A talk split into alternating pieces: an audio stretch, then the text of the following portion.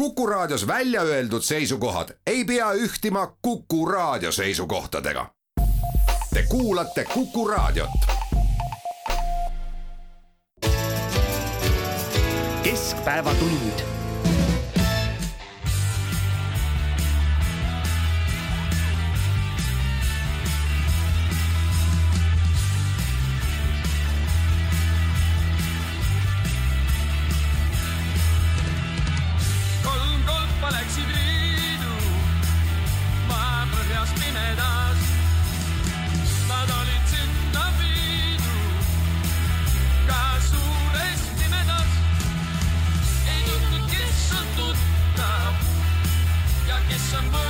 just.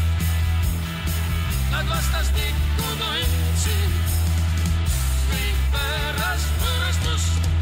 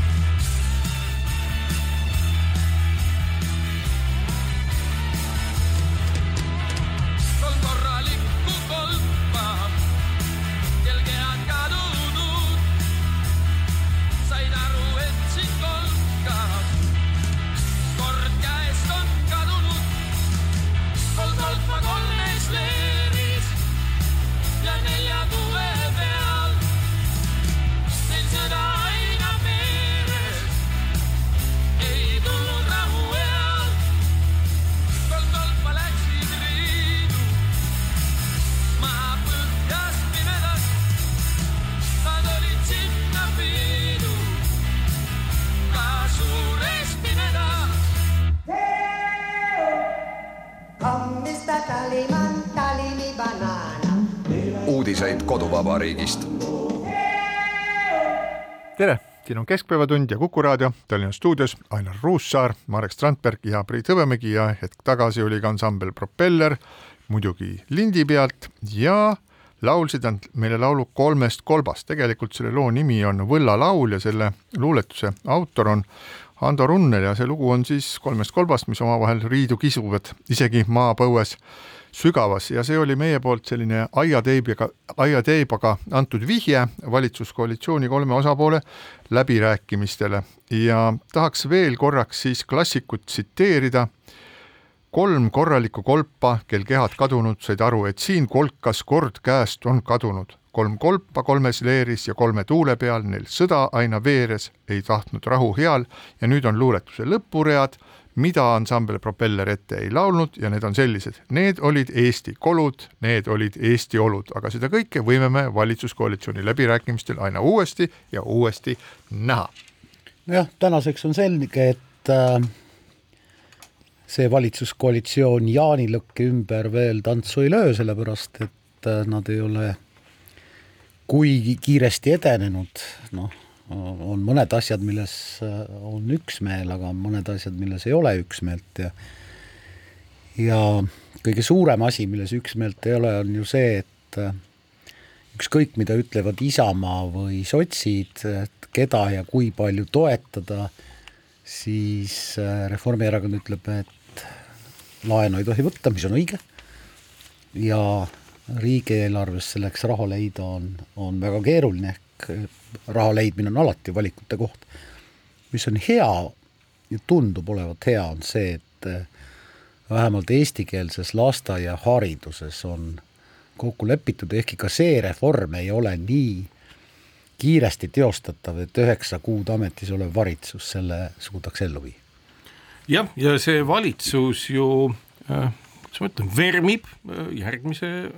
aastal toimuvate valimiste kõikvõimalikud põhi- ja kõrvalsõnumid, ehk et äh, polariseerides täna näiteks sedasama nii-öelda eesti ja vene keele küsimust, tekib olukord, kus valimistel ka see siis võimendub ja ma loodan, et nii-öelda erakondade meelsus tuleb seal paremini välja, kuigi jah, ega nii-öelda kodakondsuseta isikud valida ei saa ja see on ainuke lootus, et nii-öelda näiteks Keskerakonna reaalsed valimissõnumid ja lubadused ei ole nii väga Kremli-meelsed, kui nad võisid olla näiteks kohalike valimiste puhul. no tegelikult on kui me räägime Keskerakonnast, siis Keskerakond on ennast ikka väga selgelt positsioneerinud praegusel hetkel erakonnana, mis äh, annab osale valijaskonnast selgelt märku, et äh, nad hoiavad venelasi, nad hoiavad suhteid Venemaaga kuidagi servapidi alles. No võtame kas või selle, mis toimus volikogus, Tallinna aga oota, ärme võtame seda asja veel, räägime sellest, volikogu on nii, nii huvitav, et et räägime sellest eraldi, aga aga vaatame neid koalitsioonikõnelusi, vaatame nagu selle nurga alt, et et kas on üldse põhjust nii palju viriseda selle üle, et inimesed, kes nüüd suhteliselt keerulises olukorras peavad leidma ühise keele, nüüd selle asja üle pikalt arutavad ja siis selge see, et kui raha üle arutatakse, et siis läheb, siis läheb siis läheb kindlasti pikalt, nüüd üks neid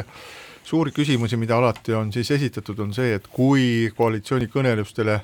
minnakse, kas sina, Marek, oled koalitsioonikõnelustest osa võtnud? olen. no väga tore, siis äh, lähtumegi sellest, et nüüd äh, äh, erinevatel osapooltel on siis erinevad soovid ja mis nad on lauale pannud ja nendel on oma hind, et äh, sotsid näiteks tahavad siis miinimumpalga tõstmist kaheksasaja euro peale ja, ja tulumaksuvaba miinimumi tõstmist samuti kaheksasaja euro, euro peale. Ja Isamaal on, on omad selged soovid äh, peretoest-, toetustega kuskil kahesaja viiekümne miljoni euro, euro puhul, siis äh, küsimus on selles, et äh, kas koalitsiooni kõne, et, et etteheide siis nendele väiksematele osapooltele on see, et hästi, te tulete siia laua taha ja nüüd ähm, aga te ei ütle, kuskohast seda raha peaks nagu siis võtma hakkama, selge on see, et kolmsada või kakssada viiskümmend miljonit ühe korraga, võib-olla siis kuidagi mängitakse kokku, aga kui see on, tegu on peretoetuste tõusuga ja see kestab siis, ma ei tea, järgmised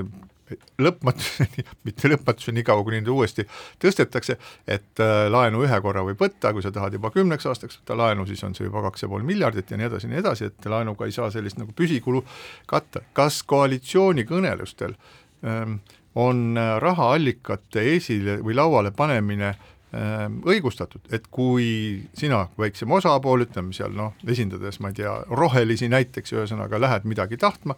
ja sult küsitakse, väga tore, Marek, et aga kuskohast siis see raha peaks nagu tulema. et kas sa võid selle peale öelda siis niimoodi, et tead, ausalt öeldes see pole, see pole minu asi, kuna teie olete suurem osapool ja kui te tahate meie hääli saada, et äkki te kuskilt selle raha siiski leiate, või siis pead sa minema sinna laua taha ja ütlema, et okei okay,, aga mul on selline mõte, et see raha võiks tulla siit või sealt? No esiteks pean ma kainestama häid kolleege siin laua taga, et koalitsiooni läbirääkimised ei ole nii ratsionaalsed, nagu te ette kujutate. et nad põhinevad ikkagi täiesti tavalistel inimlikel alateadlikel instinktidel, et äh, koalitsioonikõnelustel tapeldakse reaalselt ikkagi niisuguste alateadlike impulssidega olla juht mitte midagi muud seal ei ole. nüüd asjaolu, et me oleme kultuursed, tekitab sinna peale kõikvõimalikku seletust, noh nagu näiteks me, me seisame siin rahva eest ja rahva huvides, aga ütleme niimoodi, et ega tegelikkuses nüüd asjaolust, et isegi kui sa nagu äh, enda meelest ja suhteliselt tõestatult, milline kogemus meil on olemas, ka lauale paned näiteks katteallikad ja protsessid, millest nii-öelda maksutuluga võiks nii-öelda neid kulusid katta, see ei oma tähendust. see impulss, kuidas otsuseid tehakse, on ikkagi sügavalt alateadlik, sinna tuleb kokku miljoon kõikvõimalikku solvumist ja ma ei tea, mida iganes veel, ja nüüd sõltubki sellest, et kuna meie teadvus toimetab aeglasemalt kui alateadvus, siis ongi nüüd nagu kultuuri küsimus, küsimus, et kuidas see, kuidas see ilusalt serveeritakse. sellepärast, et ma saan aru, et ega noh, me võime ju arutada siin selle üle ja küsida intervjuusid ja mida keegi ütleb, et no ütleme niimoodi, et võimu üle läbirääkimine ei ole ratsionaalne ta on sügavalt nii-öelda impulsiivne tegevus ja ega seal nagu need läbirääkimisoskused on ka teistsugused ja loomulikult ega jällegi avalikult kasutades argumente, loomulikult nii-öelda juhul, kui meedia näiteks ühte või teist argumenti nagu toetab ja see ei ole pinnapealne, vaid ikkagi on nagu midagi muud kui see, et võtame laenu, vaadake ise, kuidas saate, siis ma kujutan ette, et on võimalik nii-öelda üks või teine ettepanek ikkagi ära kallutada. noh, siis selle ettepaneku tegija poolt, kes ke,, poole, kes siis seda teinud on. nii et ega ega nii-öelda läbirääkimiste psühholoogia ei erine mis iganes muust psühholoogiast ühelgi moel ja noh, me peame nõu-, leppima sellega, et need sõnumid, mida me saame, ei ole tõlgendatavad päris nii, nagu need sõnumid nagu oma sisus on. no see, no mõned sõnumid on ikkagi selgelt tõlgendatavad, vähemalt need, mida on öelnud välja Reformierakonna esindajad ja ja millega nad on äh, tõrjunud natukene tahaplaanile sotside ja, ja Isamaa ideed. ehk siis Reformierakonna sõnum on olnud ju see, ka nendel läbirääkimistel, et toetada tuleb neid, kes toetust vajavad, mitte kõiki, milles on oma iva äh,,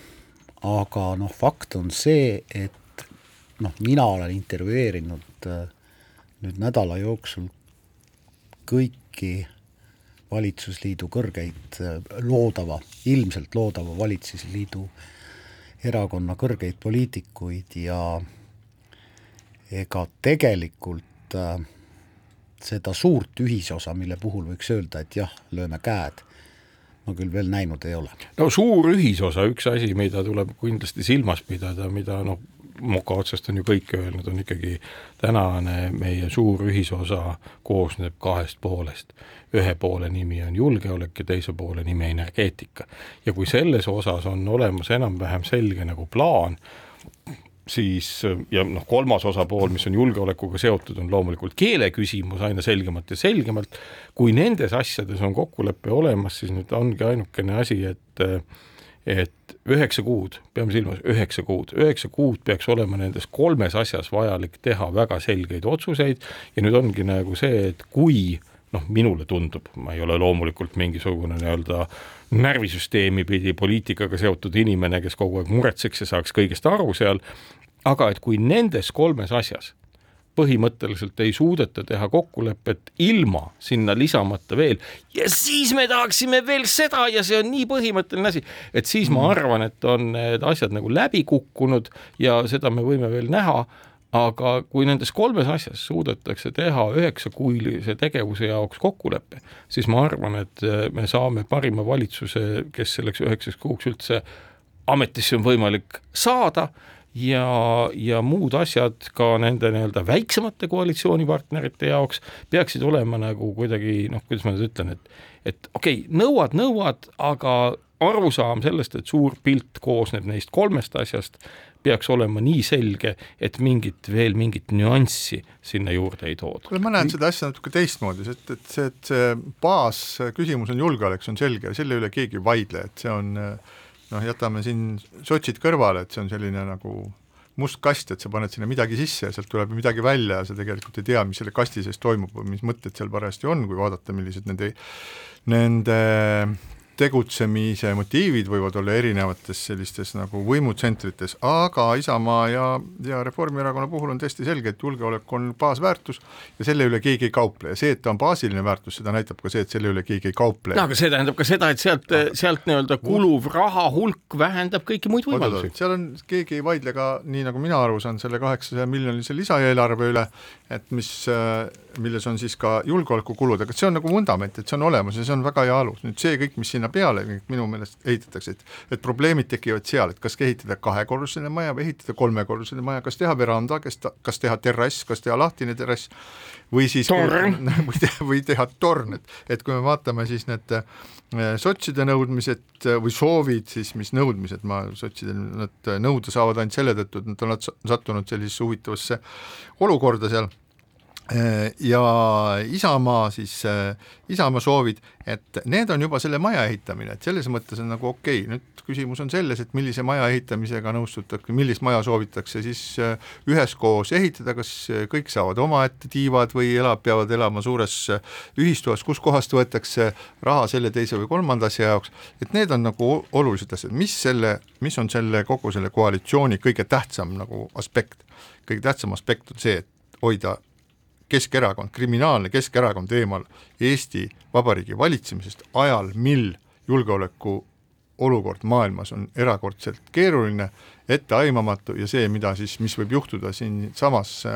Venemaal ja Eesti piiri taga või Eesti piiri peal, et selle kohta me ei oska mitte midagi öelda, et see on kõige olulisem, et, et et äh, nagu te siin enne ka ütlesite, et Vene või Venemaa poole kõõritavad erakonnad tuleb sellest eemale hoida. Ja see ei ole nagu enam ükskõik, et kas sa oled siis äh, Venemaa võimu põlistamiseks Eestimaa peal nuianud raha siis äh, mingisugustelt äh, Venemaa oligarhidelt selleks, et Lasnamäele ehitada siis äh, Vene kirikut või sa lihtsalt mingisugustes äh, suvalistes kontekstides või venekeelsetes kanalites räägid midagi sellest, et, äh, et Venemaal pole hullu midagi, et Valg-, Venemaal ja Valgevenemaal on demokraatiat rohkem kui Eesti Vabariigis, eks ole, see ei ole tähtis, see on nagu üldises kontekstis, see on väga, väga oluline. aga oleme ausad, seda ei ole ju keegi sõnaselgelt öelnud, et ka nendel läbirääkimistel on see eesmärk ja kui see eesmärk on nagu noh, vaieldamatult äh, meie iseseisvuse jaoks ja üldiselt rahvusvahelise näo säilitamise jaoks, noh, mis ei ole ka väga vähe, vähetähtis, oluline, siis äh, seda manifestatsiooni ei ole teinud ükski nendest. oota, mida sa silmas pead praegu? Keskerakonna väljajätmist. ei noh, seda otsesõnu, noh, tegelikult ikkagi on öeldud, noh tegelikult ikkagi on no öeldud. sotsid seda ei ole öelnud, kuna No Tallinnas nad ajavad nad asja no, jätkuvalt ei saagi seda öelda jah, et aga Reformierakond äh, on küll seda otsesõnu öelnud, Isamaa on seda ääri-veeri öelnud, ehk siis tegelikult see sõnum on ikkagi nagu minu meelest saadetud. et ütleme niimoodi, et eesmärk ei ole mitte äh, nii-öelda kaubelda selle üle, et kes saab sinna kaheksasada, kaheksasada äh, või ke- kes saab, kes saab oma nõudmised täidetud, vaid see nii-öelda pealisülesanne, mis peab sellistel poliitilistel läbirääkimistel olema, on hoida Eesti maine puhas ja mitte lasta kriminaalseid erakondi ja Venemaaga ükskõik mis siis äh, põhjustel flirtivaid erakondi äh, riigitüüri juurde ja võimu juurde, et meil praegu ei ole näiteks nende, nendel läbirääkimistel, kuna äh, Riigikogu valimistel ei ole saanud veel, ei ole saanud veel äh, kordagi osaleda siis ähm, Eesti kakssada, aga tõenäoliselt siis see juhtub äh, järgmise aasta märtsikuus, mille juht Kristina Kallas on öelnud seda, et eestlastele jäägu nende pastlad ja laulupidu ja ülejäänud kõik on meil ühine ja, ja võtame siis, sööme suurest katlast või kuidas see kõik, kõik kõlas, aga seda, seda tsitaati ma olen oma silmaga näinud, et siin on jälle selline noh, ütleme võib-olla otsene, võib-olla varjatud julgeolekuoht, aga igal juhul sellised äh, asjad on õhus, nii et mis on, mis on see kõige olulisem asi praegu Eestile, et oleks meil selline valitsus, mis on eestimeelne, mis hoiab Eesti riiki, mille huvid on Eesti riigi huvides, kellel pole mingisuguseid vanu sidemeid Venemaaga, keda ei saa kahtlustada, et mingisugune, mingi, mingi tiib, olgu selle tiiva esindajaks äh, siis äh, Loone Ots või Yana Toom või Mihhail Kõlvart või või tont teab kes veel, ei ajaks mingisugust nagu keerulist ja, ja nii-öelda ähm, oma keerulist ja mingit teise plaani asja et kõik peavad ajama, see valitsus peab ajama puhtalt Eesti asja, sellepärast et ajad on sellised, noh, ma palju nimetada seda sõjavalitsuseks, aga noh, sõjaaja valitsus see nagu kahtlemata on. Ja kui me mõtleme, et missugune valitsus peaks olema Eesti Vabariigis Euroopas toimuva aktiivse sõja ajal, küll Venemaa on tunginud äh, kallale äh, heast peast oma naabrile, siis on selge, et see sõjaaja stabiilsuse ja riigi hoidmise äh, eesmärk ongi see, milleks meil seda valitsust vaja, mitte sellepärast, et tõsta peretoetusi ja mitte sellepärast, et tõsta miinimumpalka, vaid selleks, et hoida stabiilsust kuni järgmiste valitsusteni nii, et Eesti toimiks normaalselt ja mingisuguseid üllatusi ei oleks, et keegi ei hakkaks sõimama juhuslikult kas äh, Soome peaministrit või Ameerika Ühendriikide presidenti või lihtsalt keegi ei astuks pulti ja ei ajaks seal suust välja midagi taolist, aga sellised ja, ja meil on tihtipeale Eestis öeldud, no aga need on sisetarbimiseks mõeldud, et keegi ei pane neid tähele. panevad väga hästi tähele, et inimesed, kes diplomaadid, kes Soomes töötavad, võivad väga hästi öelda seda, et äh, sõnad Sanna Marini kohta, et need tegid haiget ja mõjutasid Eesti-Soome suhteid ja kui on vaja selleks kuskilt äh, leida tõestust, siis palun väga, lugege Financial Timesi, kes selliseid asju on otseselt tsiteerinud. no ja, ja Eesti roll ikka läheb üle Eesti piiride, eriti kui me räägime julgeolekust selles mõttes, et äh, ehkki meid on vähe ja meie esindajaid Euroopa Parlamendis või Euroopa Komisjonis on ka vähe, aga kõik need, kes meid mingil moel esindavad, kas parlamendiliikmetena, Välisministeeriumi, Kaitseministeeriumi töötajatena, Euroopa Parlamendi saadikutena väljaspool Eesti piire, peaksid ikkagi seda julgeoleku aspekti nüüd taguma nagu nagu pioneertrummi selles mõttes, et Eesti roll ei ole siin üldse mitte väike. absoluutselt, et äh, ka nendel, nendel läbirääkimistel on olnud üks, üks teema, millest arutamine on välistatud, on näiteks kohalikul Vene valimistel Venemaa kodanikelt hääleõiguse äravõtmine, et sotsid sellest ei taha rääkida, samal ajal on see jälle üks siis sisepoliitiliselt minu meelest oluline asi, mis tuleks selgeks rääkida, et nüüd kõige halvem, mis üldse olla saab, et, et kui välistatakse mingeid teemasid, sellepärast need on tundlikud, need võivad midagi puudutada, see on kõige halvem, mis üldse olla saab, kui me jätame tundlikud teemad käsitlemata, sellepärast et see on sellised äh, mingis mõttes külmutatud poliitilised konfliktid, mis jäävad kuskile vaiba alla vaikselt nagu küdema ja siis ühel hetkel astutakse sinna peale ja siis hakkab, hakkab vaibast tulema suitsu ja seal on auk ja seal on mingisugune suur jama, et sellised asjad tuleb ka tuleb selgeks rääkida ja, ja kui sa, Marek, ütlesid seda, et need läbirääkimised tihtipeale on sellised emotsionaalsed, noh, me oleme siin korduvalt rääkinud seda, et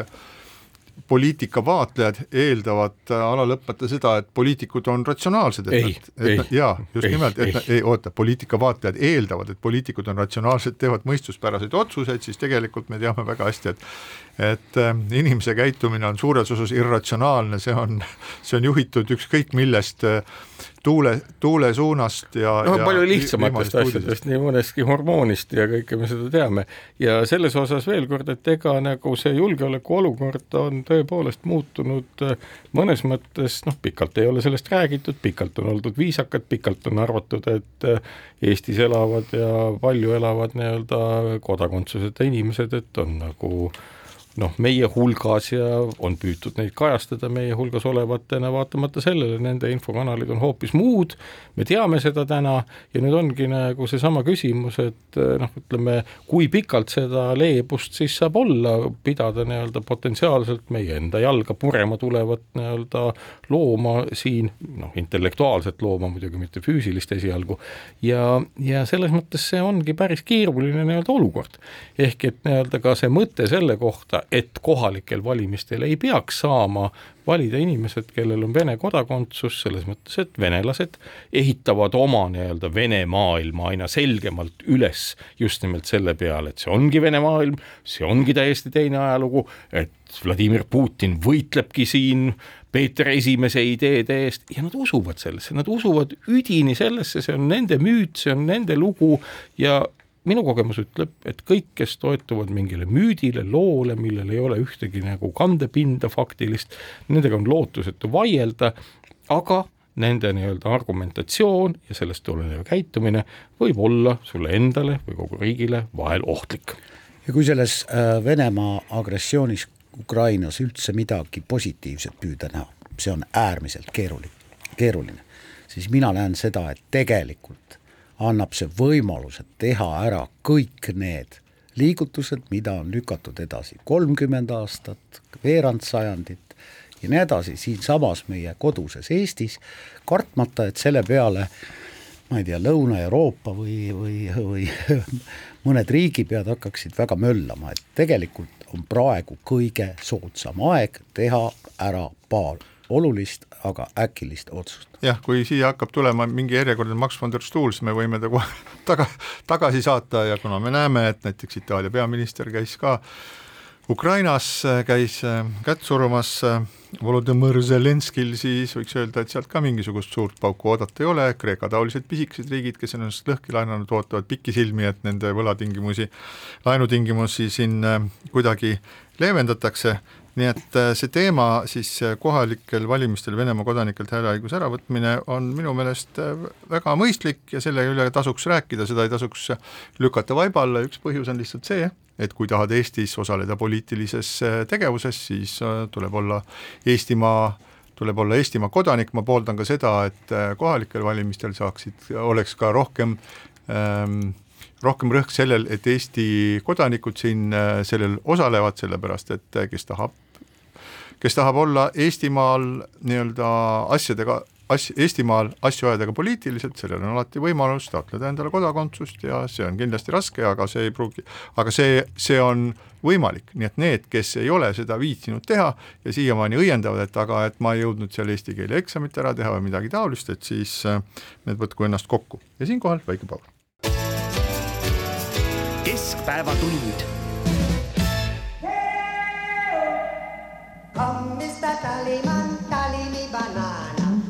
uudiseid koduvabariigist. keskpäevatund jätkab, Ainar Ruussaar, Marek Strandberg ja Priit Hõbemägi. sel näd-, sel nädalal juhtus, kaheksateistkümnendal juunil juhtus üks niisugune huvitav asi, et äh, Tallinna linnavolikogus oli esitatud nelja opositsioonierakonna Eesti kahesaja, EKRE, Isamaa ja Reformierakonna fraktsiooni poolt eelnõu ja selle eesmärk oli anda linnavalitsusele ülesanne kaardistada koostööd Muinsuskaitseametiga ja Eesti Mälu Instituudiga ja välja selgitada kõik Tallinna territooriumil asuvad siis punamonumendid ehk need Nõukogude okupatsioonirežiimi loodud ja seal püsivad monumendid ja leida neile mingisugune sobivam koht, mitte linnaruumis, aga kusagil mujal linnaruumi serva taga. Ja loomulikult oli sellega kaasas siis selline soov ka, et välja selgitada, et kuhu siis reaalselt kedagi on on maetud ja kuhu ei ole, sellepärast et Nõukogude võim tihtipeale toppis neid, neid oma poste igale poole, väites, et keegi on sinna maetud, aga pärast tuli välja, et pole kedagi, just üks selline kurikuulus lugu on selle, selle kurikuulsa Nikonovi nimelise tegelasega, kes siis vastavalt Nõukogude mütoloogiale seoti kuskil seal Maarjamäel puu külge kinni ja, ja pandi seal fašistide poolt põlema, aga pärast tuli välja, et polnud seal mingit puud. Ja ka selles äh, kirstus väidetavalt olid mingi praht ja õled, aga Nikonovi ei olnud. Ja eks me oleme kuulnud neid lugusid ka nendest äh, teise maailmasõja aegsetest kangelastest, äh, Vene, Venemaa kangelastest, keda mütologiseeriti ja kes pärast ilmusid välja kuskil Saksamaal või kus nad olid siis terve oma elu elanud. arvati, et nad on surnud ja võib kangelaseks teha, aga nüüd juhtus siis selline huvitav lugu, et selle eelnõu poolt äh,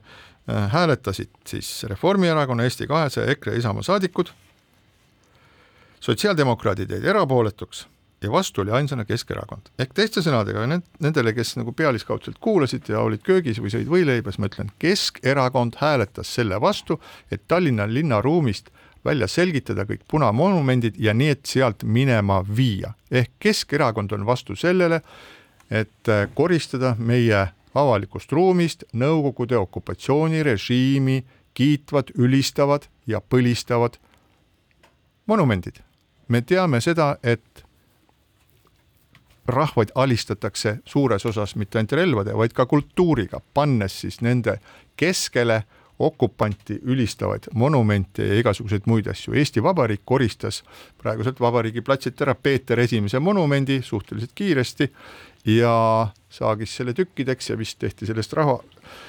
tehti sellest vaskraha või midagi muud, aga nüüd tere-tere, me Keskerakonnast juba rääkisime, Keskerakond arvab, et las need punamonumendid ikka jäävad, elame sellega edasi. no mida võib siis öelda ühe erakonna kohta veel, mida see nende kohta ütleb? viitan äh, mõne selle erakonna poliitiku paarile sõnavõtule, mis äh, noh, on olemuselt ju faktiliselt õiged, aga teistpidi olemuselt demagoogilised ja millele nad viitasid. Kas te Viinis olete käinud, kas te Viini kesklinnas olete käinud, kas te Berliinis olete käinud, kas te Berliini kesklinnas olete käinud? seal on võimsad punamonumendid, keegi neid ei puudu, kedagi nad ei häiri, inimesed käivad tuima näoga mööda. vot mind häirivad punamonumendid Tallinnas, Eesti Vabariigi pealinnas päris tõsiselt, mind ausalt öeldes ikkagi noh, kuna ma ei ole Viini ega Berliini elanik, siis äh, jah, muidugi ma teen pilti selle monumendi juures, aga teen pilti teed sellepärast, pilti et seal Viinis? jah, sellepärast Selle- et see on miks? nii, see on minu jaoks jahmatav, alati kui ma Viinis käin ja selle puna, punaga samba alati juurde teed sa pildi, alati paned siis teen ma üles. pildi, sellepärast et see on nii see on nii jahmatav minu jaoks. erinevad kultuurid on, kui te lähete ka Bundestagi, siis seal on ju jätkuvalt seinte peal Vene sõjaväe tegelaste poolt kritseldatud kõikvõimalikud sõnad. No selle, aga selle mõte, selle mõte selle on mõte selge. on olla hoiatav. mitte ainult Bundestagis, vaid ka Berliini kesklinna eh, nendel majadel, mille müürid eh, on, on siiamaani alles, on venekeelseid kirju. ja aga igal juhul nii-öelda need punamonumendid, mille peal on võimalik nagu rääkida sellest, kuidas mingi kangelane on sinna maetud, nagu Priit ütles, ei ole see sugu, sugu, sugugi nii, no vaatame seda teist poolt, mis hääletamisel toimus, oli see, et äh, sotsid loobusid sellest hääletamisest, ehk et äh, nad ei hääletanud, kuigi nii-öelda koos sotsidega oleks võinud selle nii-öelda ju eelnõu vastu võtta ehk linnavalitsuse seis on selline. ja see ongi nii-öelda kõige keerukam asi, noh ka kogu aeg minu jaoks olnud, sellepärast et kui me meenutame Vabadussõja aegu, kui Eestis oligi valdavalt sotsialistide valitsus, mitte Konstantin Päts ei sõdinud, vaid ikkagi valitsus, kes oli valdavalt sotsialistidest koosnev, pidas sõda ja edukat, siis tänasel hetkel on nii-öelda see sotsiaaldemokraatia, mis oli nii-öelda noh, nii-öelda ütleme niimoodi, vabariigi algusaegadel täiesti transformeerunud millekski niisuguseks kummaliseks koostöömudeliks, kus kõik inimesed on ikka viksid ja viisakad, aga oludes, kus on vaja teha täiesti selliseid kardinaalseid otsuseid. Ja ma arvan, et see linnavolikogu otsus oli just seda, kui oleks võinud nii-öelda tekitada olukorra, kus tõepoolest noh, ütleme juhtudel, kui see on lihtsalt nagu ideoloogiline rämps, mitte mingisugune mälestusmärk, see lihtsalt likvideerida, viia kuhugi muuseumisse, meil ongi nende asjade koht muuseumis, et näidata, milliste märkidega on püütud ajusid pesta, siis see jäi tegemata, kuna on veel igasuguseid asju, millega tuleb arvestada. ja vot see on nagu kõige, ma arvan, et see on nagu see koht, kus võib öelda, et ka äh, sotsialistidest või sotsidest võib saada selle uue valitsuskoalitsiooni kirstunael, kuna nende nii-öelda kokkulepped ja muud asjad on niisugused veidrad. no ja leedukad lahendasid juba aastaid tagasi selle, osaliselt küll, selle punamonumentide probleemi minu meelest üliandekalt ära, kui nad rajasid Kruuto pargi, Kruuto park on selline paras soo ja mööda laudteed kõndides vasakule vaadates on Lenin, paremale vaadates on Stalin, vasakule vaadates kõik nad on põlvist saadik vees seal soos.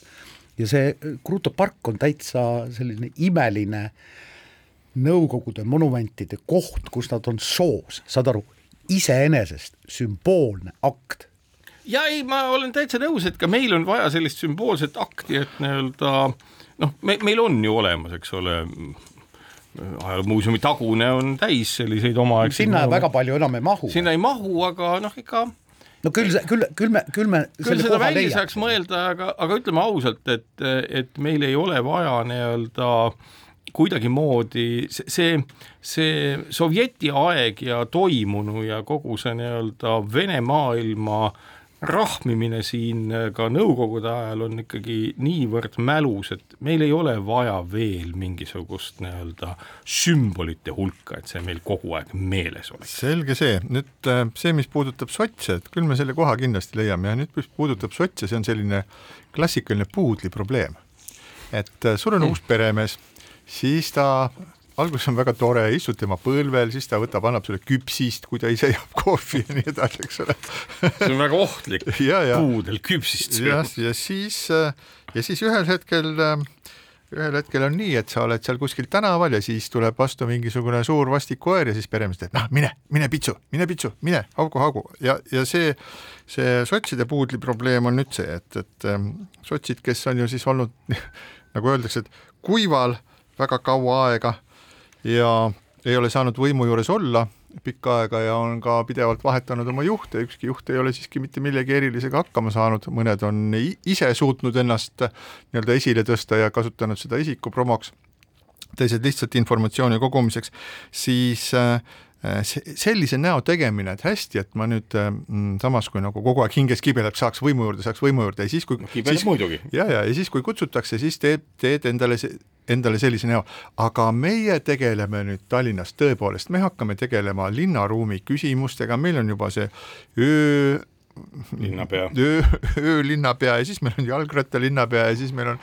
ma, ma ei tea, mis iganes linnapead veel ja siis me siin räägime jalgrattateedest ja nõuame, et oleks siis selline peatänav, kus ainult inimesed saaksid kaksteist kuud külma ja tuulega käia mööda suuri lagedaid platse ja nii edasi, nii edasi. ja siis äh, see äh, see illusioon puruneb halastamatul hetkel, kui su see peremees siis ütleb sulle, et kuule, mine, mulle need tüübid ei meeldi, mine nüüd välja ja haugu ja siis tekib kohutav nii-öelda selline ähm, probleem nendel inimestel, kui ma, kui ma nagu vaatan näiteks ma-, Madle Lippust või siis Kaarel Ojat pildi peal, siis need paistavad olevat täitsa tervemõistuslikud inimesed, kes on siis Tallinna linna ega seda juures. ise ei tea. no jaa, ma ütlen, see on minupoolne avanss ühesõnaga ja nüüd, ja kui ma nagu läheksin üks, üks ühe vastu küsiksin, et kuule, Madle või kuule, Kaarel, kas sa tõepoolest arvad, et Tallinna linnaruumis kõik see nagu see räme nagu okupatsioonirämps peaks olema edasi, põlistama seda, seda agressorriigi siis ähm, sümboolikat, mis meil siin on. ja kas nad vaataksid mulle otsa, ütleksid jah, Priit ma arvan, et see on väga tore, et need, meil on siin äh, sellised sambad, mis räägivad meie ajaloost ja ajalugu tuleks ikka rohkem nagu ümber mõtestada, mitte ja võib-olla üle kirjutada, aga mitte maha kustutada ja nii edasi ja nii edasi. et see on nagu ohtlik tee, see on ohtlik tee, ega, ega sellised otsused siis ju poliitilisest mälust kuskile ära ei kao. sa korra seda ütled välja ja siis tuletatakse sulle kas või meie poolt meelde veel ja no, veel, veel. tark Sul... poliitik, tark poliitik vastaks sulle niimoodi, Priit ah,. kogenud. ah, ärme puudu las nad lagunevad ise ära aga ega Priit, sul on võimalus see küsimus ju neile esitada. ma küsin, ma küsingi, et, et, et nagu... Madle ja Kaarel, et äh, saatke mulle minu meili peale, leiate igalt poolt selle, et kas te nagu päriselt ka nagu arvate, et need, need punamonumendid võiksid siis aegade lõpuni olla edasi või on teil miks te, miks te naerma hakkasite, kui ma ütlesin, et äh, tark poliitik ütleks, et mina ei, ma lihtsalt, ei, mul on hea meel selle üle. vaadake Maarjamäge, ta vaikselt ise lagunebki, kolmekümne aasta pärast on ta päris oota, oota, oota, see ei ole nüüd, äh, see ei ole õige, et seal on hulgaliselt mitmesuguseid maastikuarhitektuurilisi plaane, mis on, mis on käigus, lihtsalt need ei ole lõplikult jõudnud kinnitamisele, kogu selle kompleksiga töötatakse väga põhjalikult. ei, ma käin sellest Maarjamäe punamonumendist mööda kord nädalas ja see, see laguneb. ma nüüd, ma nüüd räägin sulle veel kord seda, et selle, selle ümberkujundamisega tegeletakse pidevalt, et need plaanid on täiesti olemas, aga need ei ole veel jõudnud nii-öelda kinnitamiseni ja siinkohal väike paus. keskpäevatund.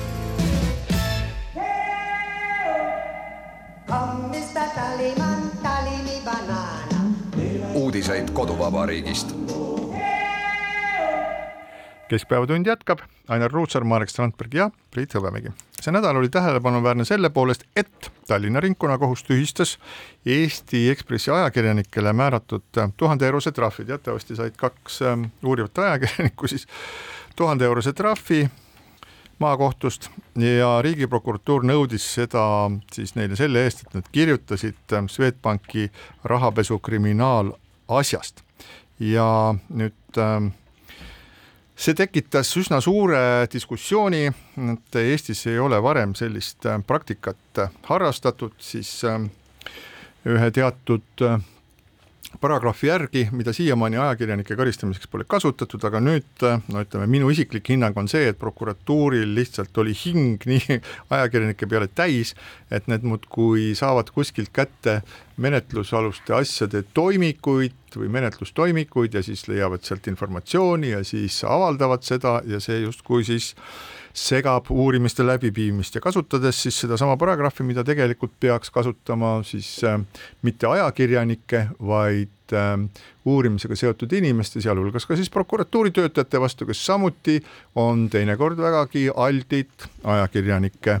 informeerima mitmesugustest asjadest, siis kui neil on vaja ühiskonnas luua mingit teatud fooni oma tegevusele või otsustele, siis Äh, kasutati seda ka ajakirjanike peal, väga paljud äh, tuntud juristid äh, ja kohtunikud on avaldanud selgelt oma, välja öelnud selgelt oma arvamust, muuhulgas siis Rait Maruste ja teised,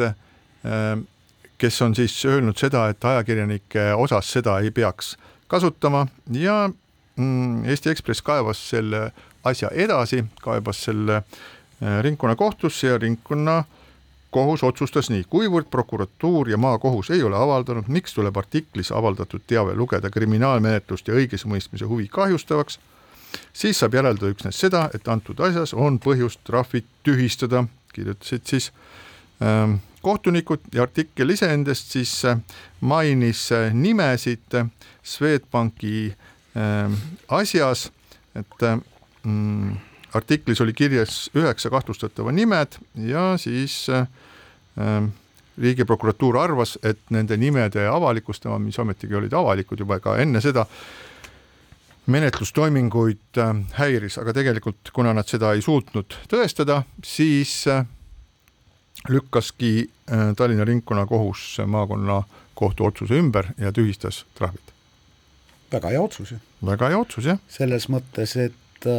noh, see piir on ju tegelikult hägune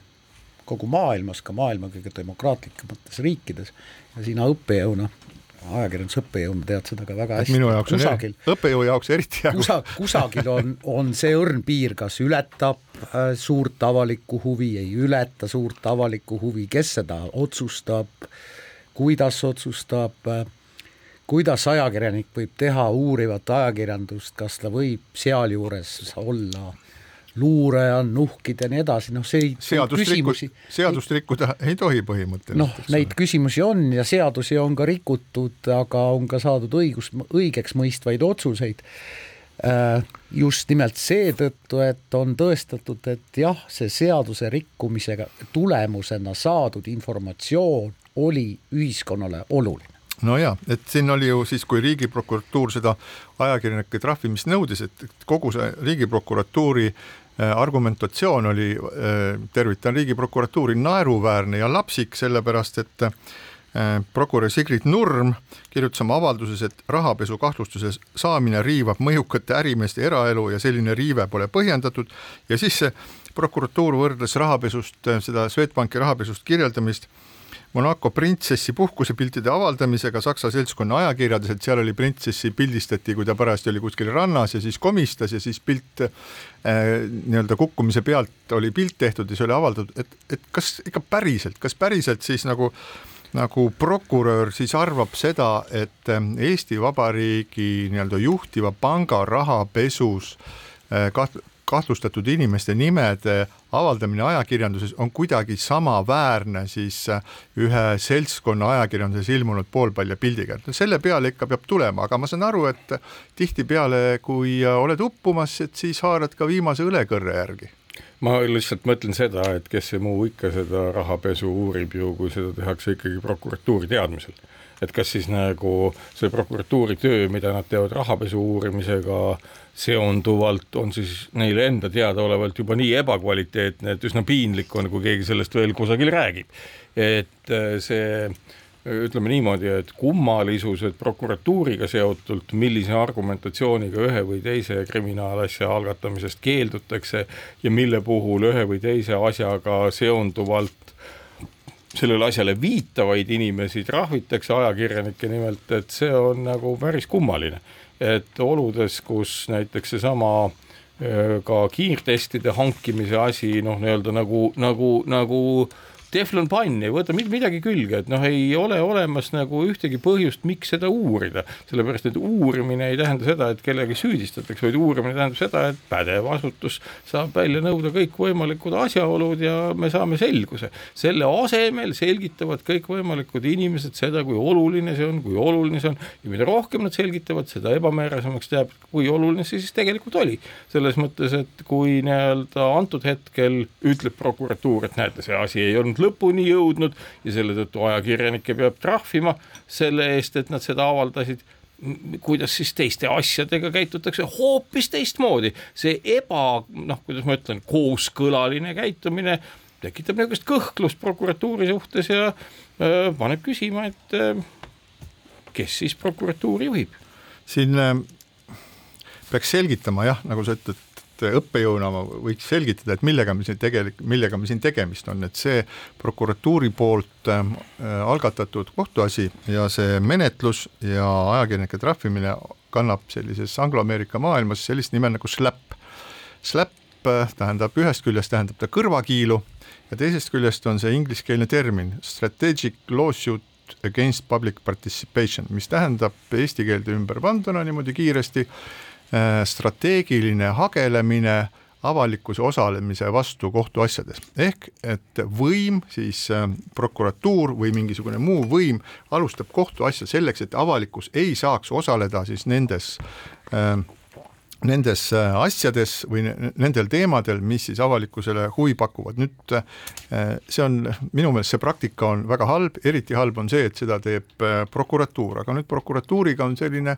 selline häda siin meil, et kuskilt prokuratuur võib ju seda alustada, nad võivad lõppude lõpuks võib ka prokuratuur teha vigu, aga kuskilt me peame siis aru saama, et kuskohast see nende tegevus eesti keeles on selle SLAPi nimi on vaigistuskaebus, et kaevatakse kelle kellegi peale, et siis toppida ajakirjanduse suu kinni, ähvardame. nii üks ajakirjanik sai tuhat, no järgmine kord saavad veel kaks korda tuhat, siis saavad juba kaks tuhat ja kui ja siis hakkavad ajakirjanikud juba mõtlema, et okei okay,, et kas ikka seda kõik, seda jama on vaja, sellepärast et tegelikult maksab tööandja selle, selle trahvi kinni, aga ühel päeval saab ka tööandjale äkki villand, ta ütleb, et kuulge, et ma tegelikult ei tahaks, et iga päev jälle tuleb kellelegi tuhat maksta. nii et ainukene võimalus sellest olukorrast välja pääseda on meil saada erinevaid kohtulahendeid. Ja nüüd siis äh, Tallinna ringkonnakohus lükkas prokuratuuri väite ümber ja ma tsiteerin, et prokuratuur teatavasti väitis, et et äh, suurpanga tippjuhid on umbes samasugused tegelased nagu Monaco printsess Caroline, kes käib napis bikiinis, käib kuskil siis rannal, et mõlema puhul on tegemist eraeluga. no meie nii ei arva, aga tsiteerin ringkonnakohtu väidet või seisukohta. tippjuhtide jaoks on avalik kuulutamine et neid kahtlustatakse kuriteos kahtlemata ebameeldiv, kuid keeruline on leida argumente, miks tippjuhtide, kuid samas ka poliitikute või ametnike puhul ei tohiks neile esitatud kahtlustustest kirjutada. artiklis ei lahata eru, era, eraelulisi detaile, et antud juhul prokuratuur arvas, et kui, kui pangajuhti kahtlustatakse rahapesus, et see on justkui nüüd tema eraelu, et, et noh, ma arvan, et isegi puudel saaks aru, et see tegelikult ei ole mitte eraelu ja ütleb veel siis äh, ringkonnakohtu otsus, et ajakirjandus täitis kriminaalmenetlusest uudist tehes avalikku ülesannet. rahapesu kahtlus Eesti ühe suurema panga suhtes on teema, mis väärib avalikus avalikkuses käsitlemist ja siin on üks, üks punkt on veel, et tegelikult siis prokuratuur viib selle asja ilmselt edasi Äh, veel ähm, Riigikohtusse ja sealt me peame nagu teada saama ka selle, et kas siis Riigikohus arvab, et ajakirjanike släppimine või vaigust, vaigistuskaebuse äh, rakendamine on nagu okei okay või ei ole okei okay., et seda ei saa teha enam siis nagu need ajakirjanikud, kes selle trahvi said ja trahv, sellepärast et ringkonnakohus tühistas trahvi, aga nad siis kaeba või esitasid vastuhagi ainult selle kaebuse peale ja mitte millegi äh, muu peale, nii et nemad ei saa sellega edasi minna. Ja selles mõttes on väga huvitav, kui prokurat-, seesama riigiprokurör läheb äh, siis, hakkab vaidlustama kohtus, riigikohtus seda asja, et millised tulemused siis sealt tulevad, seda me saame näha, aga kindlasti see on väga huvitav kaasus ja mõjutab ka Eesti Vabariigi ajakirjanduse edasist tulevikku. Ja siinkohal me täname teid kuulamast ja kohtume taas nädala pärast, kõike head! keskpäevatund